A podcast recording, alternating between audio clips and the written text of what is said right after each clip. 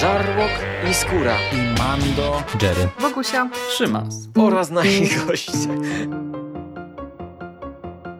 Konglomerat podcastowy. Wasze ulubione podcasty w jednym miejscu. Zapraszamy. Zapraszamy. Zapraszamy. zapraszamy. Zapraszamy.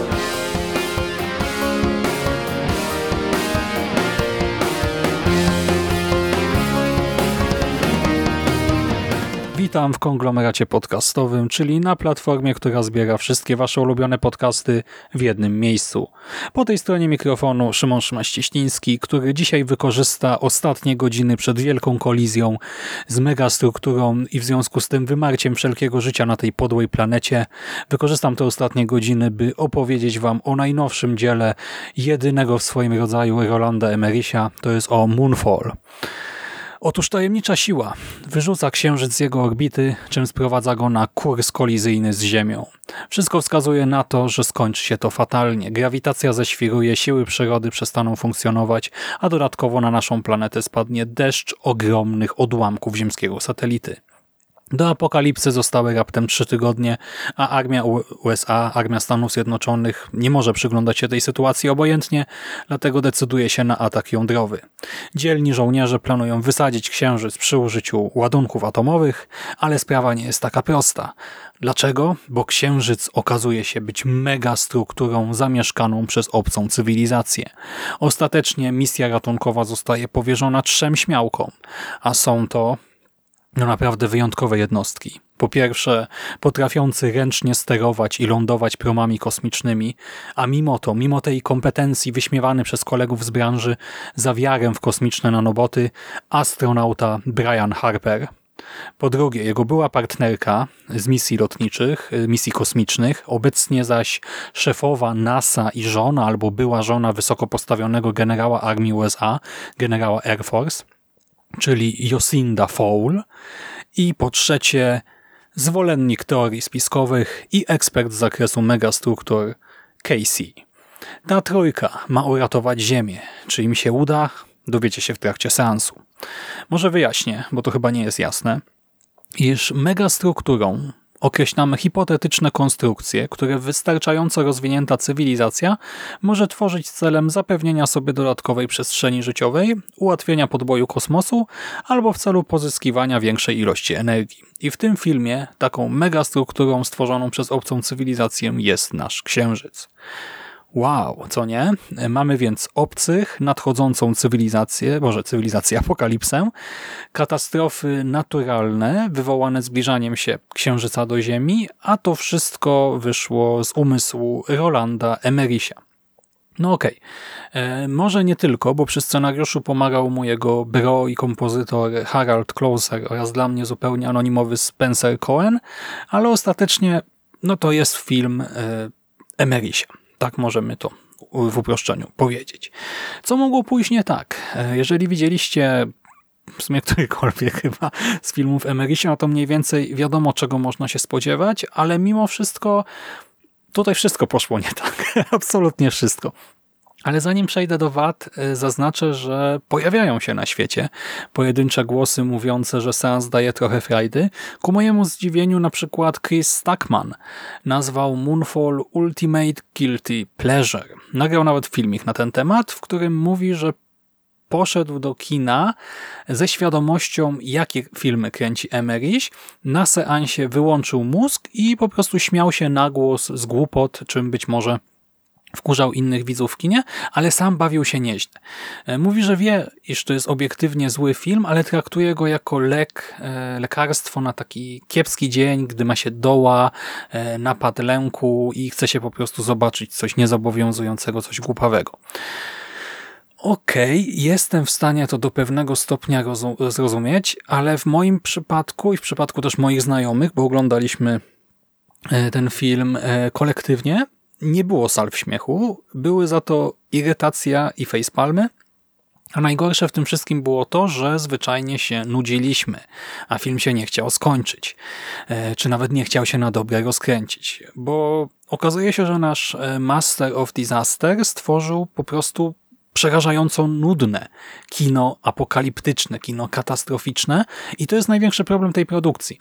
Film trwa 130 minut i to czuć, i to czuć bardzo mocno, a do tego na zegarek zaczynamy spoglądać już po jednej czwartej tego czasu, bo po prostu rozbiegówka jest tak długa i wielowątkowa, że zanim w ogóle zaczną się e, jakiekolwiek katastrofy, zanim zaczniemy widzieć to, czego się można spodziewać po Emerysiu, to, czego ewentualnie możemy oczekiwać, że nie e, to, na co możemy czekać, o, jeżeli chcemy po prostu zobaczyć ten film, tak właśnie chcemy, mamy ochotę, tak, zainteresowało nas trailery, no to zanim do tego doczekamy, minie spokojnie 30, 40, 50 minut e, i dopiero wtedy coś tam się rozkręci, a przez e, no, dużą część tego filmu po prostu fabularnie tkwimy całkowicie w miejscu.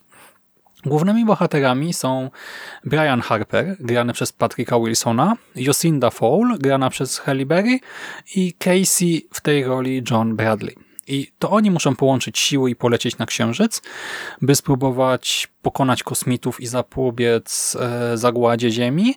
Każdy z nich ma jednak rodzinę. Casey ma matkę z demencją i znajomych szurów, z którymi dzieli się swoimi przemyśleniami o megastrukturach. Mama przebywa w szpitalu czy jakimś tam innym domu opieki, no i Casey ją odwiedza. Postać Wilsona to aktualnie zgorzkniały dupek, który rozwiódł się z żoną i od tego czasu zszedł na psy. On się nie myje, nie płaci czynszu, naprawia tylko swojego Mustanga popijając browary, a z byłą żoną i synem nawiązuje kontakt dopiero wtedy, gdy to ta była żona się odezwie e, i gdy okaże się, że syn e, tej postaci trafił do aresztu. Jego żona, e, grana przez Karolinę Bartczak, jest w związku z dealerem luksusowych samochodów który też ma dwójkę dzieci. Mamy więc e, rodziny byłych partnerów naszych bohaterów nawet, nawet. E, a postać Halle Berry ma syna z generałem US Air Force, ale aktualnie jest chyba w lesbijskim związku z 22 lata młodszą od siebie Chinką. E, znaczy, jeżeli przejrzeć materiały prasowe, to to jest niby po prostu opiekunka jej dziecka, z, w związku, ze związku z generałem US Air Force, ale e, w filmie ja byłem przekonany, że to jest jej aktualna no, partnerka, kochanka, coś ten desen i moi znajomi tak samo. Więc nie wiem, czy to coś nie tak jest z nami, czy z materiałami prasowymi.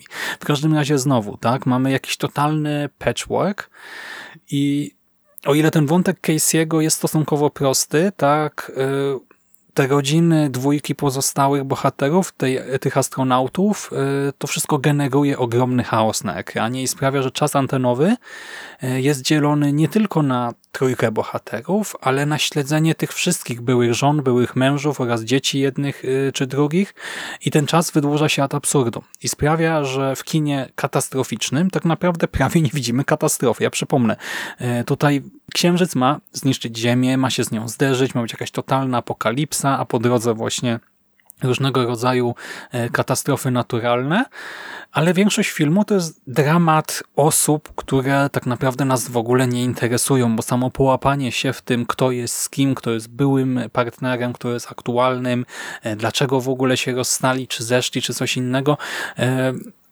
na to niby mamy trochę czasu, ale tych wątków jest tak dużo i są tak poplątane, że ciężko się w tym odnaleźć, a jednocześnie właśnie zajmują czas, yy, który można by poświęcić temu, czego by się oczekiwało od kina katastroficznego, emerysiowego.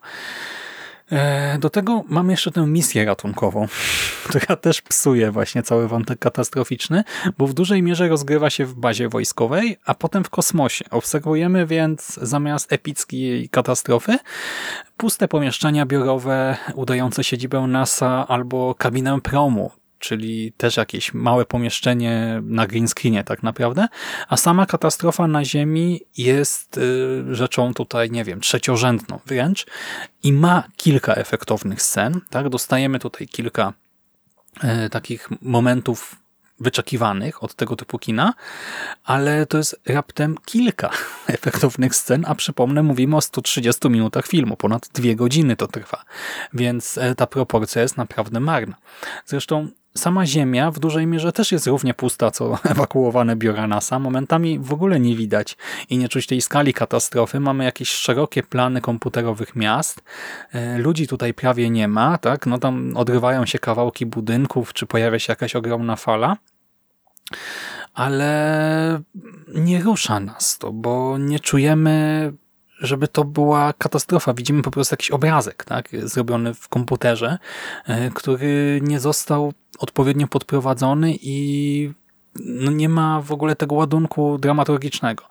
E, gdy prawa fizyki zaczynają świrować i zaczynają się wielkie powodzie, e, to dwójka naszych bohaterów, mówię o stosunkowo wczesnym etapie filmu, Casey i ten nasz astronauta Brian Harper akurat przebywają w jakimś hostelu, gdzie Casey wygłaszał referat szurski i całe miasto jest wymagłe po prostu wtedy, mam wrażenie. Mamy perspektywę jakiejś jednej osoby, która patrzy na to miasto i miasto zostaje zalane i po chwili ta powódź dotyka także dwójki głównych no naszych bohaterów i e, kilku szurów, którzy akurat im towarzyszą i totalnie nie wiadomo, co się dzieje. W sensie, jeżeli nie wiem, jeżeli była jakaś wielka ewakuacja i tak dalej, no to czemu ci nasi bohaterowie są zdziwieni, że ta fala nadchodzi? Jeżeli nie było, to czemu tam nie ma tysięcy ludzi, którzy panikują, tak krzyczą, uciekają i giną? E, no coś tutaj ewidentnie nie zagrało. Mamy też e, próbę naprawienia tego, czyli jakieś tam sugestie, że coś się jednak dzieje na świecie, że są zamieszki, ludzie wykupują makaron, papier toaletowy, ekstremiści strzelają na ulicach, tylko e, to są sugestie, a do tego równolegle do tych wydarzeń Brian Harper, czyli Patrick Wilson dalej naprawia swojego Mustanga, więc znowu absolutnie nie czuję tego, że tam rzeczywiście dochodzi do jakiejś katastrofy, e, tylko bardziej się pukam w głowę i zaczynam e, czuć, że oglądam film. Tak? Zaczynam e, widzieć e, to, że scenariusz coś mi chce powiedzieć, a nie mm, w sensie widzieć, że coś mi chce powiedzieć, a nie widzieć to, co chciał mi powiedzieć. E, drugi problem to to, że oprócz tego, iż jest to disaster movie, to jest to także monster movie, bo jak już wspomniałem, e, już po pierwszej scenie widzimy, że kosmos zamieszkują kosmici, roboty, kosmiczne roboty, nanoboty, no coś, co nie lubi ludzi, zabija ich. I można by to jakoś wykorzystać, tak? Skoro już się wprowadza taki wątek potwora, ale okazuje się, że ten nasz potwór ani nie jest szczególnie straszny, ani tajemniczy, a gdy Emerich e, po prostu daje nam genezę i to taką po prostu chamską ekspozycję, czyli tłumaczenie przez kilka długich minut, e, co i jak, e, skąd się wzięli kosmici, jaki był ich plan, jaka w ogóle jakaś większa mitologia jest wokół tego budowana, to nie ma absolutnie żadnego sensu, a dodatkowo całkowicie jeszcze psuje, likwiduje jakiekolwiek napięcie e, i obdziera ten film z kolejnej potencjalnie wartościowej warstwy. I skoro mówię o braku sensu, to na przykład Mike D'Angelo e, z AV Club napisał o Moonfall w swojej recenzji Cytuję, w trakcie seansu możesz usłyszeć, jak twoje komórki mózgowe popełniają sepuku. I tak, można to rzeczywiście usłyszeć. E, na YouTubie oczywiście możecie znaleźć teraz e, komentarze astronautów czy astrofizyków na temat absurdów tego filmu i faktu, iż od strony naukowej e, no tutaj nic się nie klei, ale akurat to mi nie, przeszkadzało mocno. Umówmy się, po kinie katastroficznym Emerisia researchu naukowego nie oczekiwałem, trochę bolało mnie wtykanie pewnych rzeczy w usta naukowców czy wojskowych, ale to się da przeżyć. Przy czym niestety nawet takie rzeczy bardzo przyziemne tutaj nie mają żadnego sensu. E, w ogóle cały ten główny wątek, główna intryga i misja ratunkowa.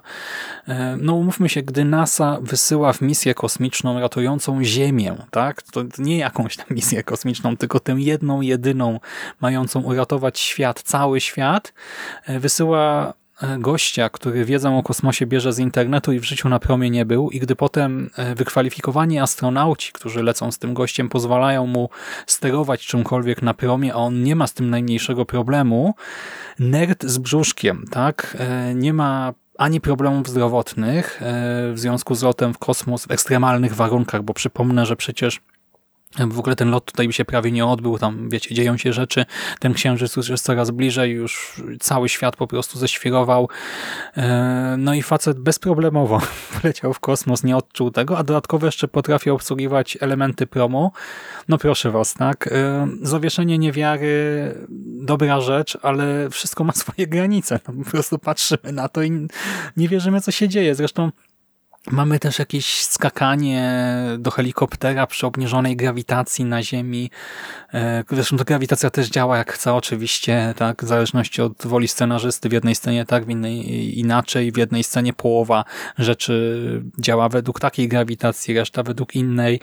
E, no ale tutaj to naprawdę wygląda jak sceny z parodii science fiction, tak? I, a nie z filmu katastroficznego z e, elementami science fiction. E, mamy też e, inne takie błędy tak naprawdę, po prostu reżyserskie. I to akurat nie scenariusz, a reżyseria, która zawiodła. Widzimy przykładowo Halle Berry biorącą udział w konferencji przez jakiegoś tam Webexa, Teamsa czy coś takiego, telekonferencji, tak? I ona siedzi przed jakimś tam monitorkiem i my ją widzimy z punktu widzenia sali konferencyjnej i osób, z którymi rozmawia. No i widać jak aktorka, która siedzi przed monitorem, rozgląda się po tym pomieszczeniu, w którym siedzą osoby po drugiej stronie kamery. Znaczy ja nie wiem, czy rozumiecie, o czym mówię, Mamy kobietę, która patrzy na telekonferencję na swoim monitorze, czyli ma statyczną kamerę, tak? która po prostu pokazuje całe pomieszczenie, a ona się rozgląda, tak jakby się rozglądała po pomieszczeniu. E, ja wiem, że takie rzeczy działają, e, dzieją się w grach komputerowych czasami, tak, że człowiek podchodzi do jakiegoś tam, e, do jakichś drzwi, ściany i odruchowo gdzieś tam próbuje z boku spojrzeć, tak jakby miało mu to zmienić perspektywę, no ale tu mówimy o telekonferencji, więc wow, niesamowite. Mamy też, nie wiem, wlatywanie w białego karła bez żadnych konsekwencji i finał, Finał, oh, to jest w ogóle inna para kaloszy, wytłumaczenie tego, co e, się wydarzyło w finale, jak działa prąd, co emituje pole elektromagnetyczne w finałowych scenach i tym podobne kwestie, e, no to wymagałoby napisania doktoratu, więc ja się za to nie biorę, no ale finał to jest katastrofa. Logiczna i fabularna i pod każdym jednym względem i nawet właśnie jakoś wizualnie, e, czy od strony, nie wiem, akcji, sensacji, science fiction nie jest dobry. E, jest mocno kiepski. Co jeszcze mamy oprócz tych głupot? Masę lokowania produktu. Ten film jest pełen lokowania produktu. Nie powstałby zapewne, gdyby nie kasa od Tencent, e, Tencenta i Lexusa. E, Lexusy, mówiłem już, mamy dealera luksusowych aut. To jest były mąż Hali, postaci granej przez Halibery. E, I Lexusy tutaj wiozą naszych bohaterów do Colorado. Nie, przepraszam, nie, były mąż Halibery, to jest generał. Były mąż, nieaktualny mąż byłej żony Patryka Wilsona. No ale widzicie, tak? Nawet teraz mi się to miesza. A w trakcie seansu, e, gdy w ogóle, wiecie, nie macie tego uporządkowanego w głowie jakkolwiek, to człowiek totalnie głupieje e, w tych wszystkich wątkach rodziny. W każdym razie e, mamy dealera Lexusów i w związku z tym Lexusy wiozą naszych bohaterów do Colorado, gdzie znajduje się jedyny schron chyba w Stanach Zjednoczonych, ostatni bastion ludzkości i te Lexusy wiozą bohaterów w deszczu, w śniegu, po leśnych drogach, górach, z grawitacją i bez i mamy tutaj jedną, jedną epicką scenę, która bije na głowę nawet szaleństwa szybkich i wściekłych, bo bohaterowie w Lexusie e, włączają tryb sport i driftują na lodzie przy zmienionej grawitacji i spadających wszędzie dookoła fragmentach księżyca. Może powtórzę trochę wolniej, żebyście załapali. Bohaterowie w Lexusie włączają tryb sport i driftują na lodzie przy zmniejszonej grawitacji, a dookoła spadają fragmenty księżyca. I z jednej strony, wiecie, to, to akurat było tak zabawne, e, tak absurdalne, że gdzieś tam bawiło. To było tak złe, że aż dobre, ale niestety, wiecie, jeżeli to jest jedna taka scena w filmie, e, czy dwie, trzy na film, który trwa 130 minut, to ciężko mówić, że całość jest tak zła, że aż dobra, tak? To nagle się okazuje, że tutaj przypadkiem przeskoczono rekina tak mocno już y, któryś raz i to, to, to zrobiło się zabawne. Więc y, ja się teraz śmieję, ale to nie jest zaleta. to po prostu może, zresztą ja też się śmieję trochę, e, w ogóle się cieszę, że o tym nagrywam, skoro już się przemęczyłem, wycierpiałem tyle, to przynajmniej jest jakiś skutek taki pozytywny, że będzie podcast i może odwiodę część was od seansu. A może też kogoś, kto z jakiegoś powodu czuje się zaintrygowany, zachęcę i będzie się dobrze bawił, no to też spoko. Miłego seansu, jeżeli ktoś taki się znajdzie. E, w każdym razie mamy te Lexusy, e, które sypnęły forsą. E, chiński kapitał i wpływ Tencenta także widać, bo w toku akcji Chiny oferują USA pomoc pomoc e, militarną, wojskową w ratowaniu Ziemi. Mają dostarczyć chyba jakieś statki kosmiczne, promy czy coś takiego. Wątek dopisany i doklejony na siłę, na kolanie. Nie ma tutaj żadnego sensu i tak naprawdę wpływu na cokolwiek, ale jest, tak? Chiny pomagają ratować świat. A trzecim sponsorem jeszcze jest Kasperski bo o tym zapomniałem chwilę temu. Kasperski ma tutaj swoje billboardy w całym mieście, pojawia się też w kilku innych scenach. W ogóle wiecie, Kasperski e, odpowiada za cyber security w kosmosie nawet. Znaczy nie wiem, czy w megastrukturze samej, ale tak, NASA po prostu i Kasperski mają sztamę. E, rozumiem, że lokowanie produktów e, jest jakąś tam, jest e, codziennością obecnie, tak jest chlebem powszednim, ale to, jak to jest tutaj robione, jakie to jest nachalne, jak po prostu tym Lexusem nam się wali w twarz, tak samo tym Kasperskim z tymi wielkimi billboardami, wspominaniem też o tym na głos e, i, i te dobre Chiny, no to, to jest naprawdę przykład takiego złego product placementu.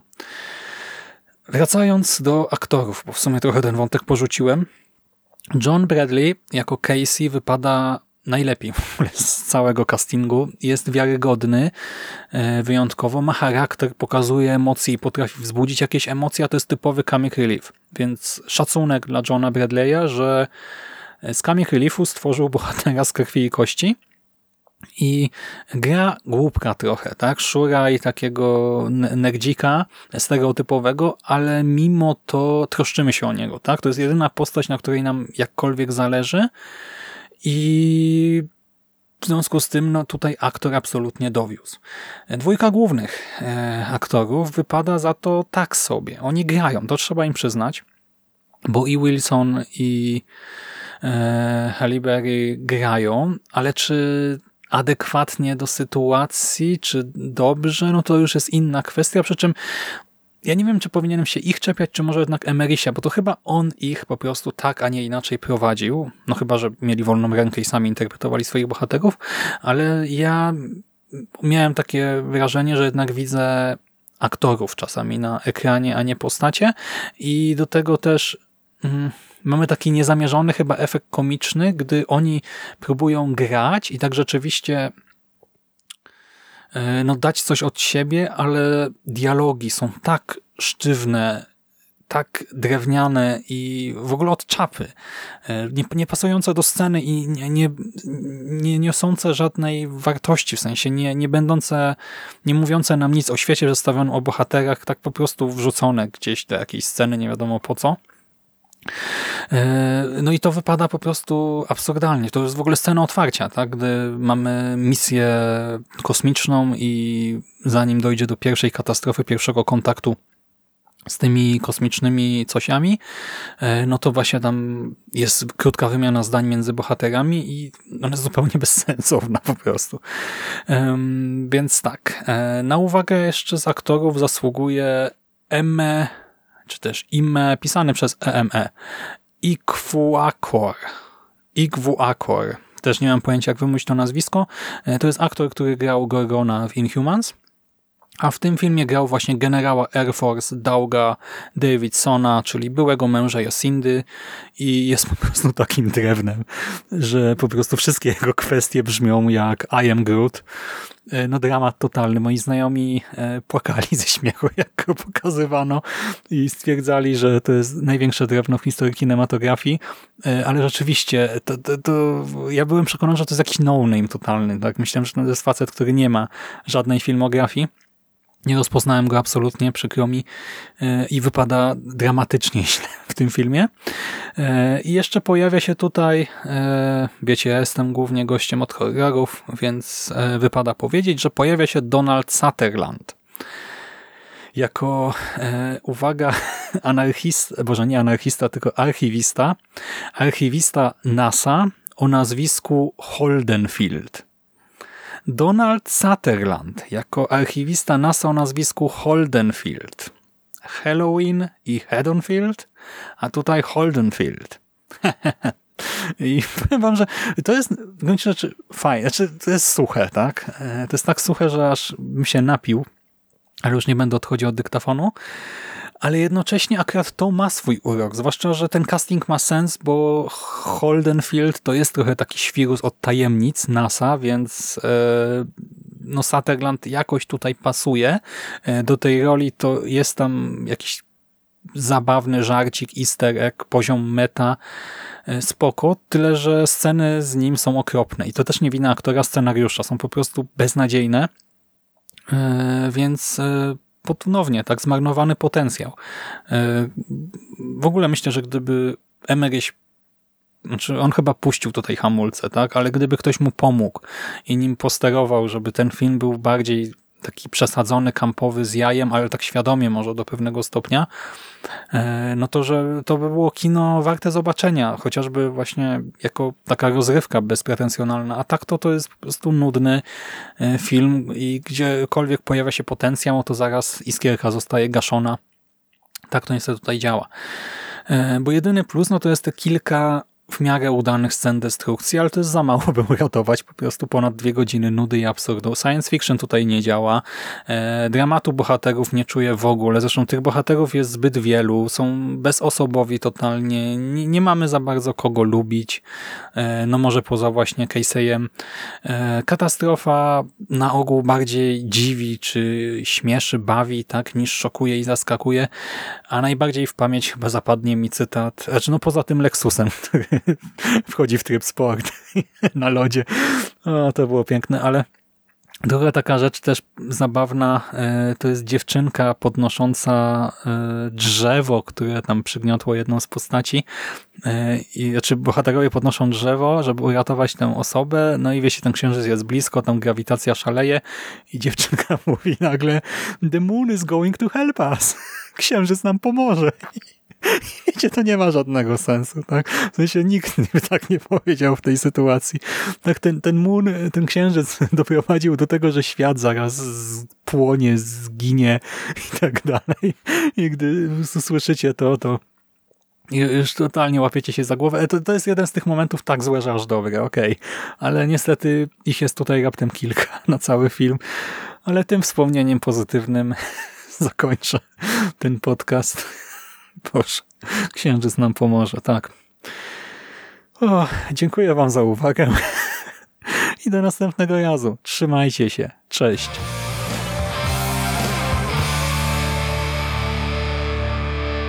You finished? That's it, man. Game over, man. It's game over. What the fuck are we gonna do now? What are we gonna do? It's over. Nothing is over. Nothing. You just don't turn it off.